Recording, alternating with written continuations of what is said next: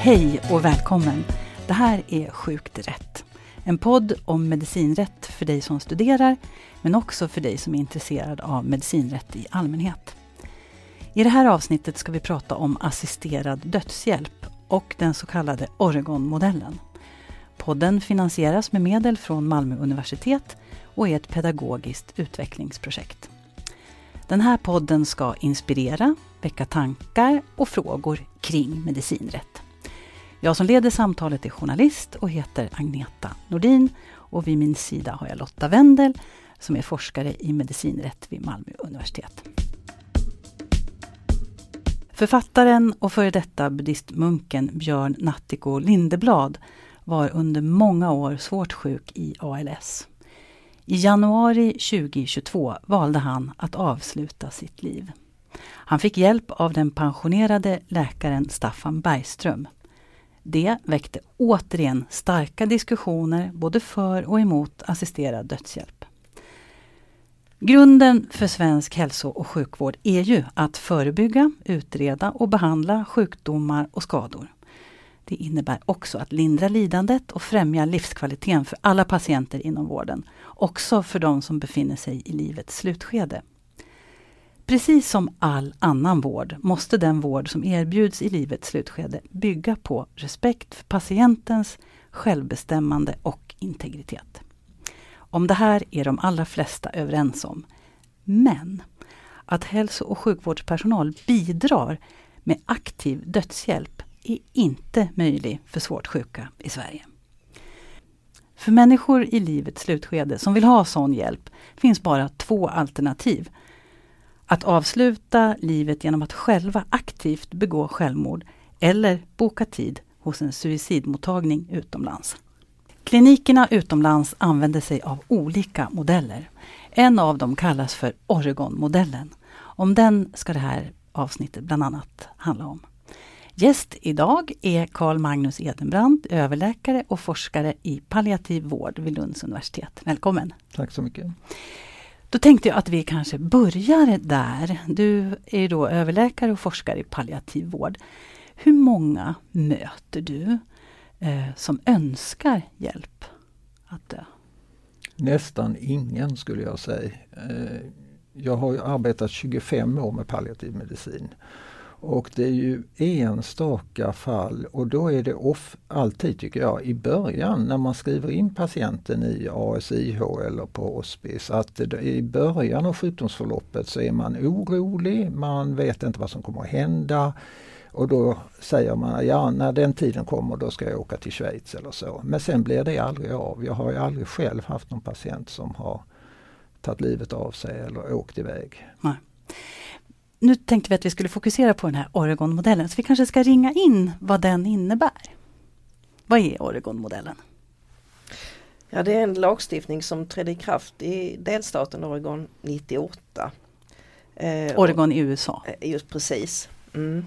Och den innebär att personer som är över 18 år och som är beslutskompetenta eh, och som har en diagnos som innebär att man har en dödlig sjukdom som förväntas leda till döden inom sex månader. Eh, är man en sån patient så kan man ansöka om en, att en läkare ska skriva ut ett dödligt läkemedel. Och, och det måste man göra vid två tillfällen med 15 dagar emellan. Och för att den ska gå igenom så måste man bedömas av två läkare. Dels om man har Alltså oberoende av varandra? Mm. Dels om man har beslutsförmågan eh, och dels om man har den här diagnosen.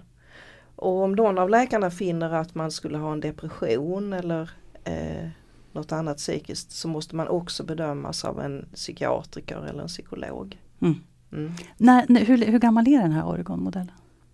Eh, 98, vad blir det? Ja, några 2008, år. 2018, ja det är 24 år då i år.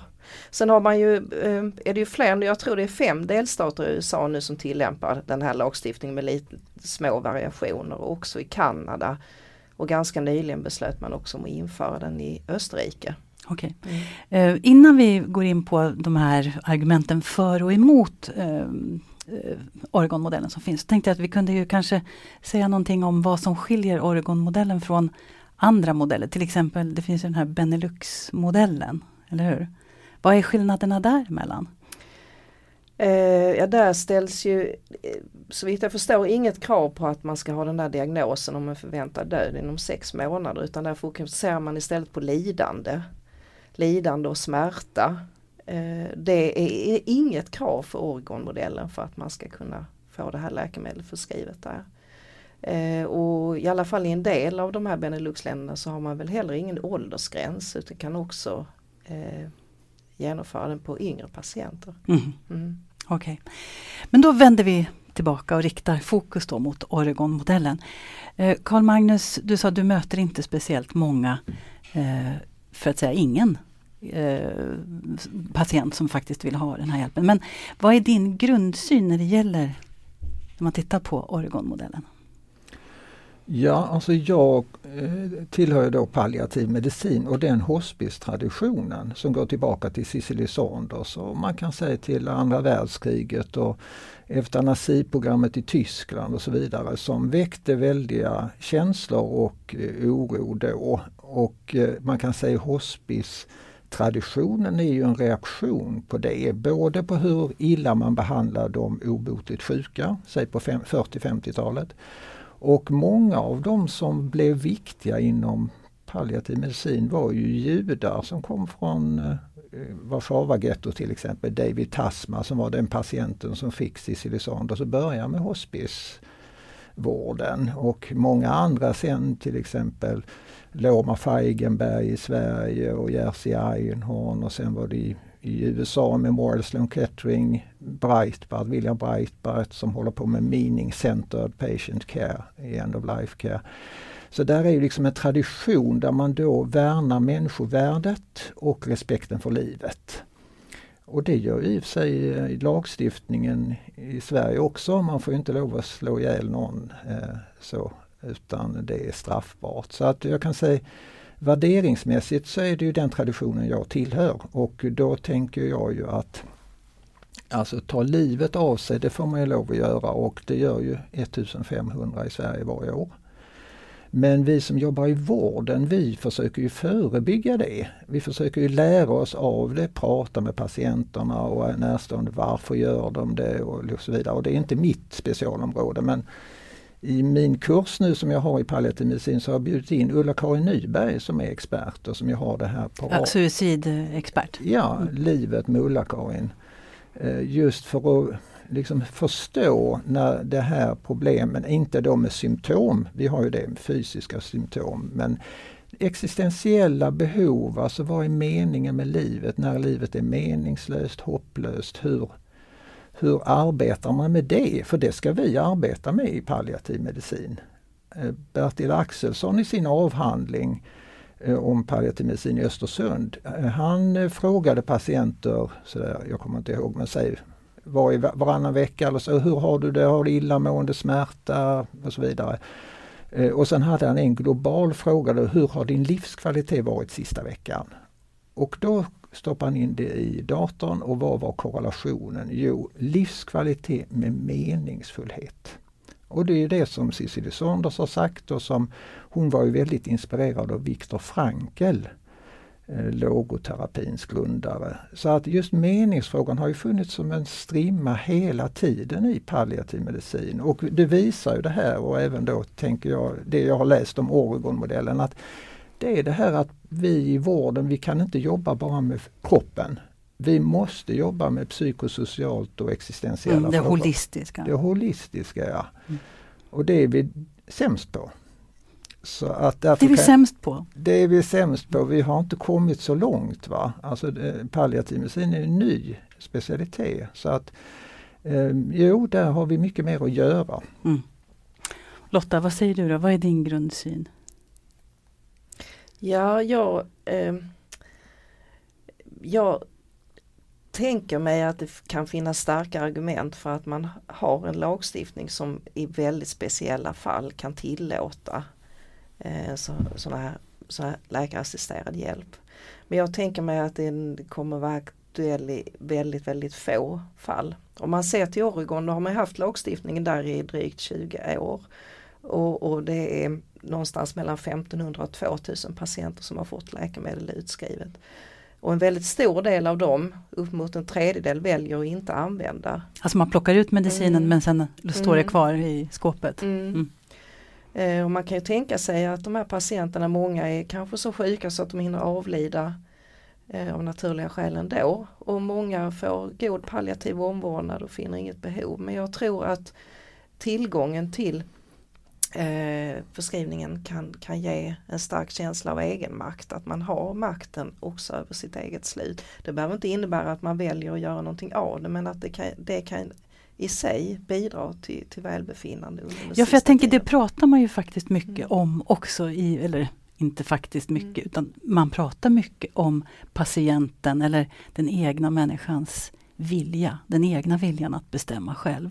Och här, nu säger du, nu träffar inte du så många som faktiskt vill ha assisterad hjälp men, men för den som så önskar så, är, så väger inte den egna viljan tungt där då?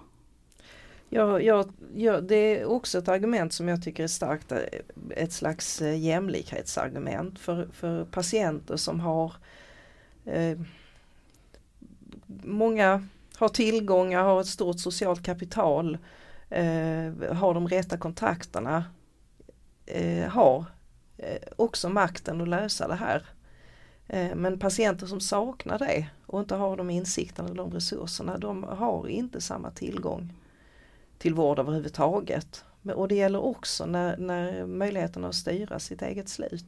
Vad tänker du om det Carl Magnus?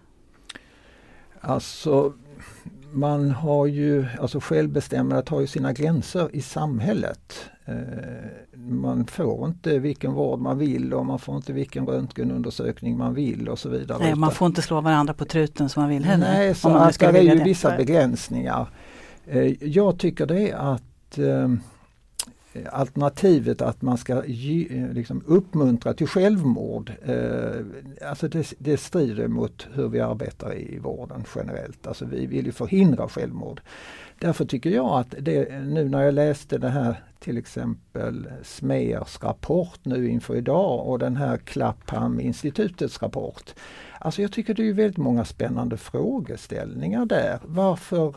Kan du i korta drag bara säga någonting om, om de rapporterna? Ja, alltså varför folk vill ha eh, dödande läkemedel och inte använda dem. Eh, varför vill de det? Alltså, jag tycker att man skulle, eh, eller de som lyssnar på podden skulle ju gå in i det, ni som är yngre, forska på det, fråga, sätta er ner. Varför vill de det? Vad är det för trygghet man får?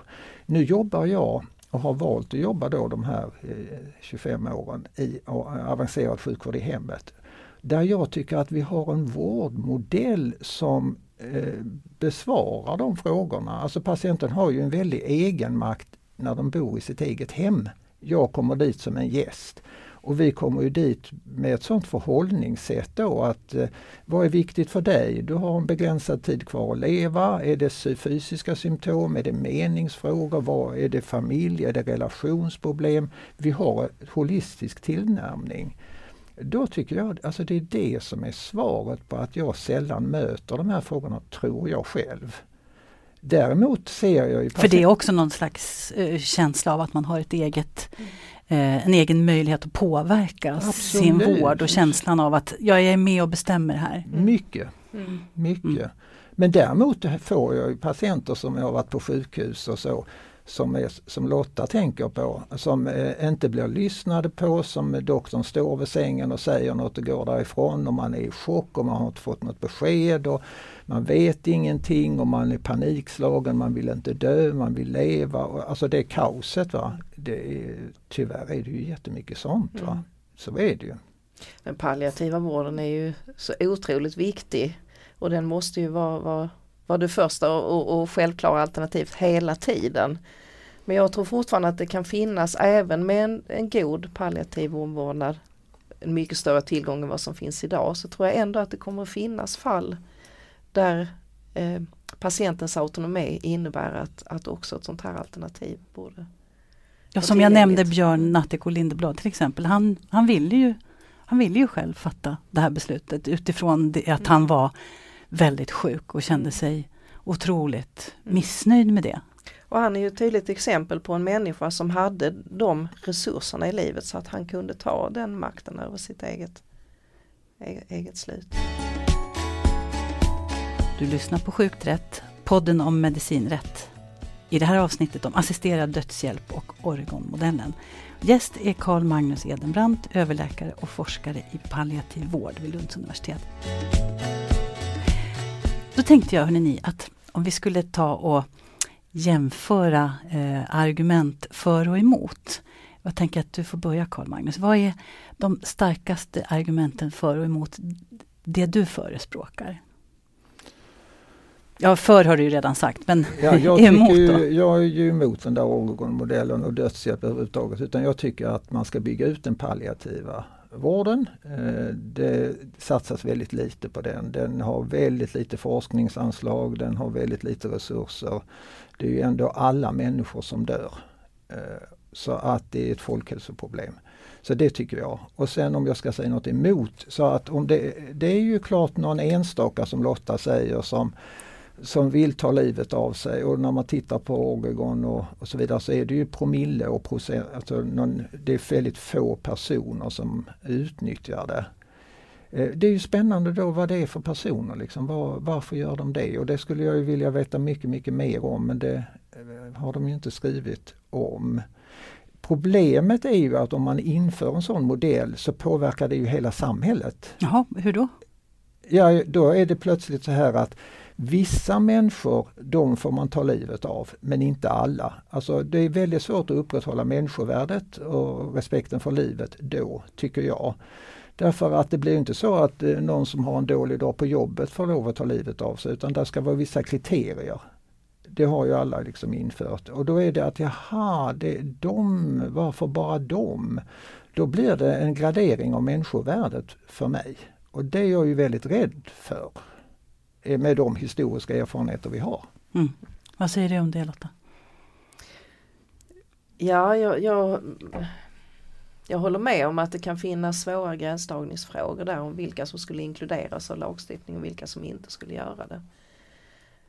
Um, men jag, jag ser nog att det är precis som alla andra svåra beslut så måste man komma fram till det i en öppen diskussion och enas på dem, demokratiskt sätt om vad man tycker kan vara rimligt.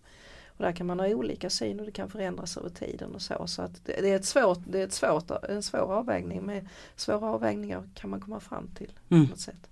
Jag tänker för mig är, är egentligen det hindret jag kan se mot en sån lagstiftning som för mig är det största det är ju att man inte kan eh, tvinga läkare eller annan hälso och sjukvårdspersonal att genomföra det här. Och jag kan tänka mig, jobbar man nära döden som du gör så kan det ju kännas som att det är vår, vår yrkesgrupp som kommer att bli satt till att verkställa den här mm. lagstiftningen. Mm. Och det vill jag inte då som nej, läkare? Nej. Och det är ju fullt rimligt att man kan vilja det. Mm. Och i Sverige så är, det ju inte tillåtet med eh, samvetsfrihet. Vi har ju inga sam möjliga eh, klausuler som gör det möjligt att, att, att avsäga sig vissa mm. arbetsuppgifter och så. Men det får man nog diskutera igen. Mm om, om man ska ha en lagstiftning av den här men, modellen. Men du, funderar på det, bör, tycker du att staten bör utreda den här frågan om assisterat självmord? Ja det, ty, det tycker jag är rimligt. På vilka grunder då? Eh, det finns en så stor grupp bland allmänheten som, som, eh, eh som uttrycker sig positivt. Samtidigt som det är så oklart vad man egentligen diskuterar. Vilken, vilken modell är det som är alternativet? Vad finns det för modeller? Hur, hur vill man ha det? Och det gör att, att diskussionen blir så disparat och osammanhängande och, och irrationell ibland. Så det skulle vara tydliggörande menar du om staten mm. utreder? Det skulle mm. vara tydliggörande och då skulle man ju få diskutera sådana saker som, eh, som du var inne på vilka som i så fall skulle omfattas och hur man, skulle, hur man ska tillförsäkra sig om att personer verkligen är, är har beslutskapacitet. Och vid sina sinnen till vid sina sinnesfulla bruk och, och, vad har det för betydelse om man är, om man är deprimerad. En depression i sig behöver inte innebära att man har nedsatt autonomi. Eh, men det kan ju påverka ens, ens förhållningssätt. Mm. Och allt det här måste ju diskuteras öppet. Vad säger du om det Carl Magnus? Tycker du att det skulle vara en bra idé om man utreder det? Alltså en utredning tycker jag eh, verkar fel metod för att en utredning kan ju bara använda de, det material som finns. Utan det jag tänker är forskning. Alltså det borde vara mycket mer forskning på det här området. Att, alla de frågor som tas upp, eh, som du Lotta och som eh, Smer och så vidare. Att man måste ju undersöka vad som ligger bakom och gå lite på djupet. Nu är det väldigt ytligt tycker jag. Eh, den där årgångsmodellen, ja den har drivits fram av eh, befolkningen på något sätt, lobbygrupper och sen är den satt i verket och det är inte riktigt utrett. Alltså man har inte följt upp det ordentligt och på djupet och så vidare. Så det tycker jag är absolut det första, eh, att man forskade mera i vad är det som driver den här frågan i västerlandet i vår tid. Det är ju väldigt unikt när vi har aldrig haft det så bra och vi har aldrig haft så bra eh, eh, sjukvård. Och nu vill folk inte leva utan vill ta livet av sig. Vad handlar det om? Mm. Och då är det säkert en större fråga som har med med samhället, med religionens eh, minskade roll, med, med det här autonomi, att jag och jag och jag och kontrollbehov och, och så vidare. Och sen är det klart det är en liten grupp, det kan också vara personlighet, eh, vissa personligheter. Det, det stod ju i den här eh, Oregon-modellen då om att det var vissa med vissa anknytningsmönster. Och det var ju i sista Läkartidningen just en artikel om med olika människor med, som vi ser då, patienter med olika anknytningsmönster kan vara lättare och svårare att eh, samtala med och, och möta. Mm. Olika kulturer, det är väldigt olika i olika kulturer hur man tänker på dödshjälpsfrågan och så. Så, att, eh, så mera, mer forskning tycker mer du? forskning mm. och kunskap kring detta innan vi tar ett sådant farligt steg. Mm. För du tycker att det är ett farligt steg? Livsfarligt. Mm. Jag är inte på något vis, jag tycker det verkar vara en strålande idé att beforska de här frågorna mer. Jag vill bara säga att Oregon-modellen har ju utvärderats. Men det, utvärderingar är ju sin, till sin natur rätt så praktiska och, och formaliserade och tar sikte på just och utredningar kan man ju också ha liksom en, en egen agenda. Man mm. utreder för att få de svar man vill ha och så säger man haha, titta, mm. eller inte haha men mm. titta här, det här var det vi mm. ville, ville mm. veta. Mm. De här stora frågorna som Carl, Magnus för fram, de ingår ju inte i en sån utvärdering. Nej för de är Nej. ju existentiella och, och, och ja. mer omfattande. Mm. Men ni var inne på det båda två eh, i, den, i synen på, eller framförallt hur den palliativa vården fungerar. Det hänger ju ihop. Ju. Är den inte tillräcklig då?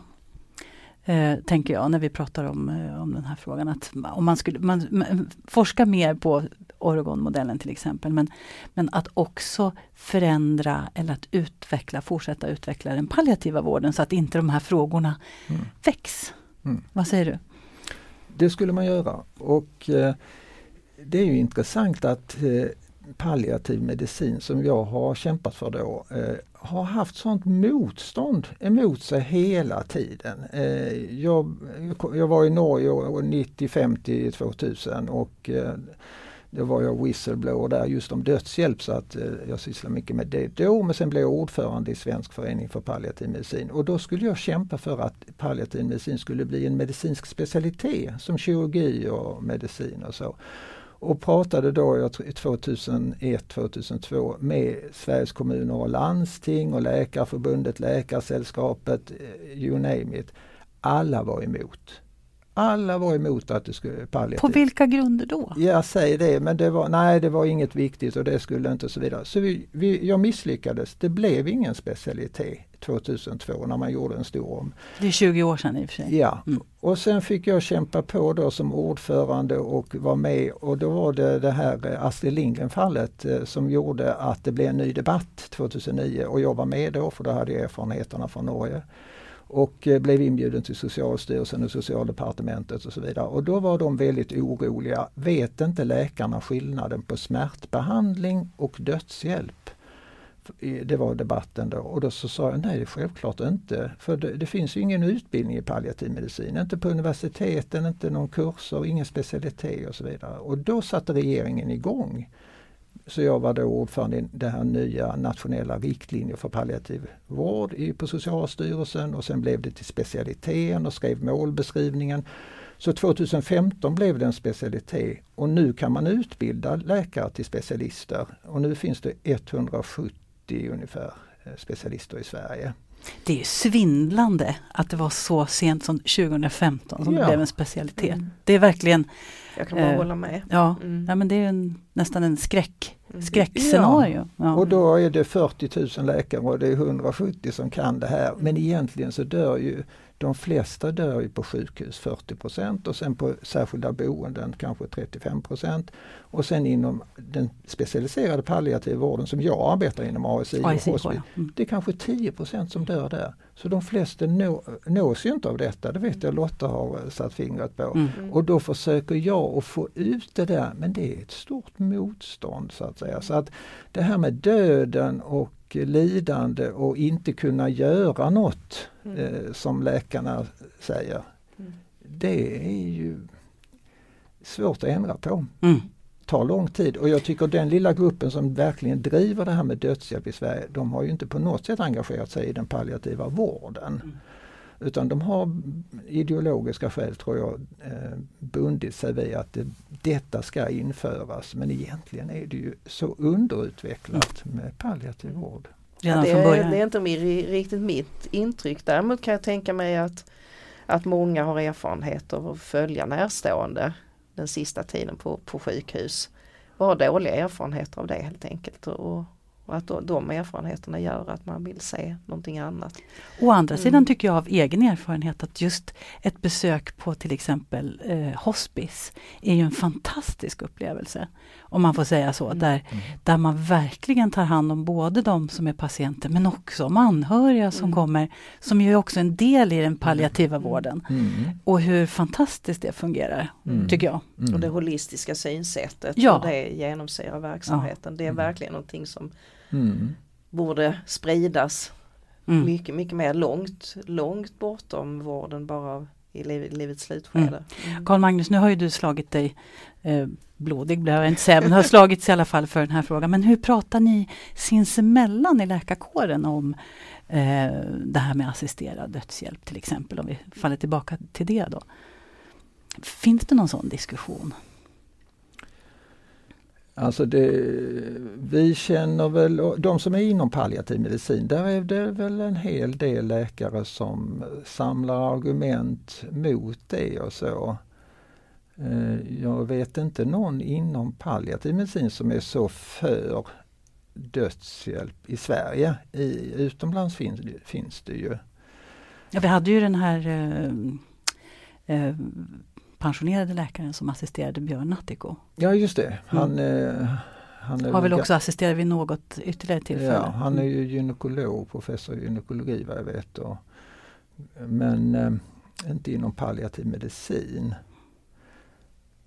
Men så det är ingen, i, i din sfär så är det ingen pågående diskussion för och emot utan alla är emot och snarare ja, emot en ja, utveckling. därför att vi, vi kommer ju från den här traditionen och i vår förening så har vi stadgarna att vi är emot eh, Ja, de etiska regler och, och ja, stadgar. läkarnas, Läkarnas, Men, mm. men vi har egna inom Svensk förening för palliativ medicin.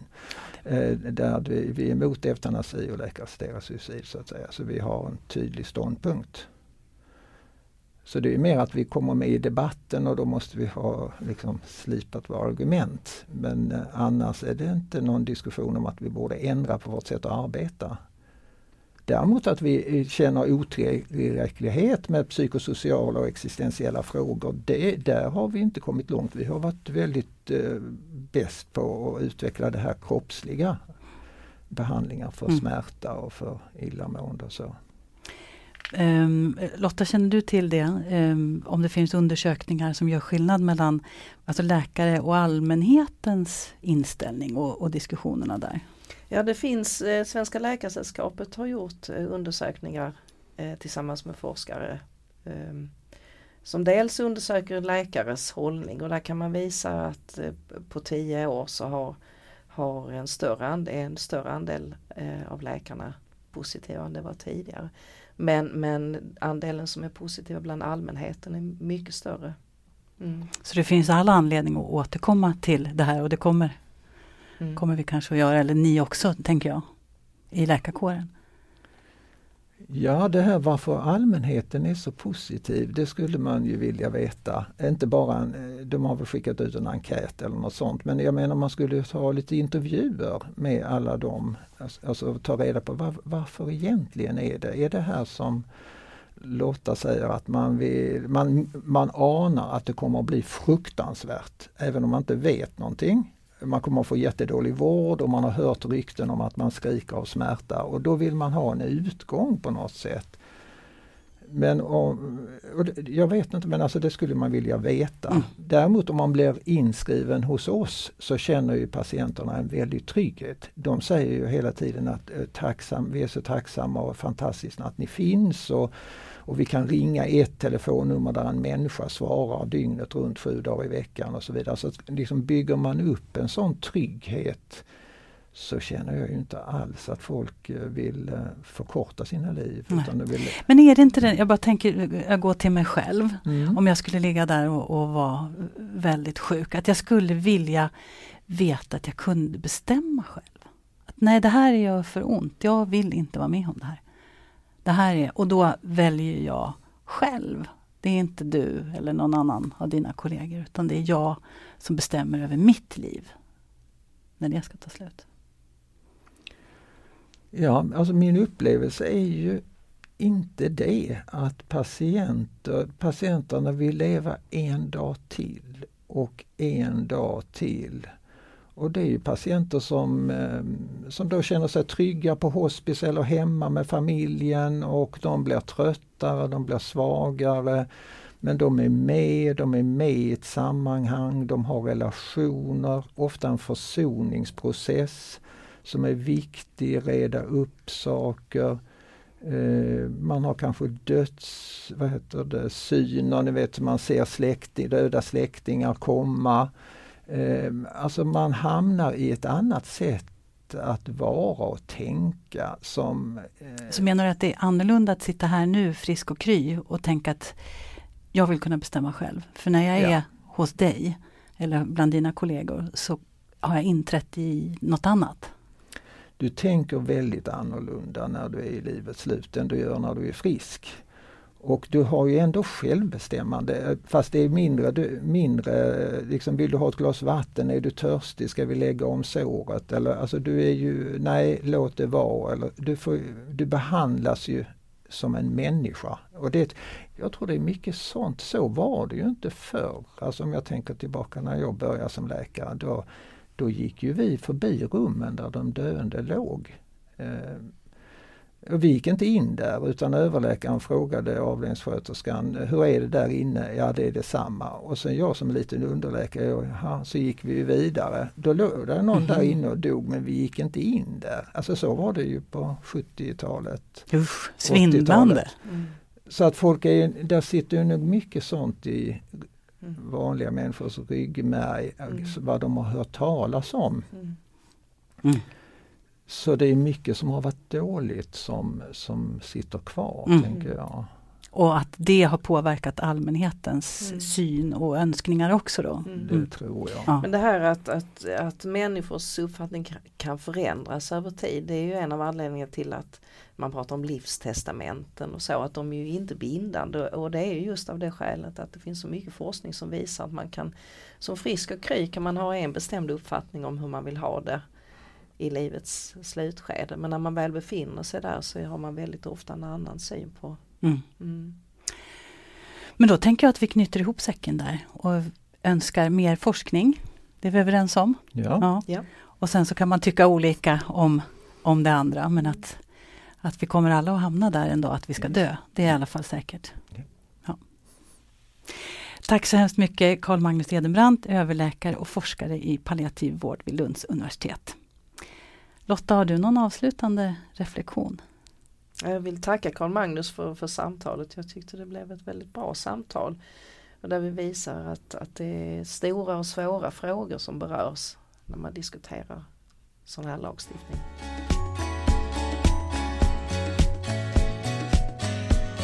Sjukt rätt produceras med medel från Malmö universitet för pedagogisk utveckling och kollaborativt lärande.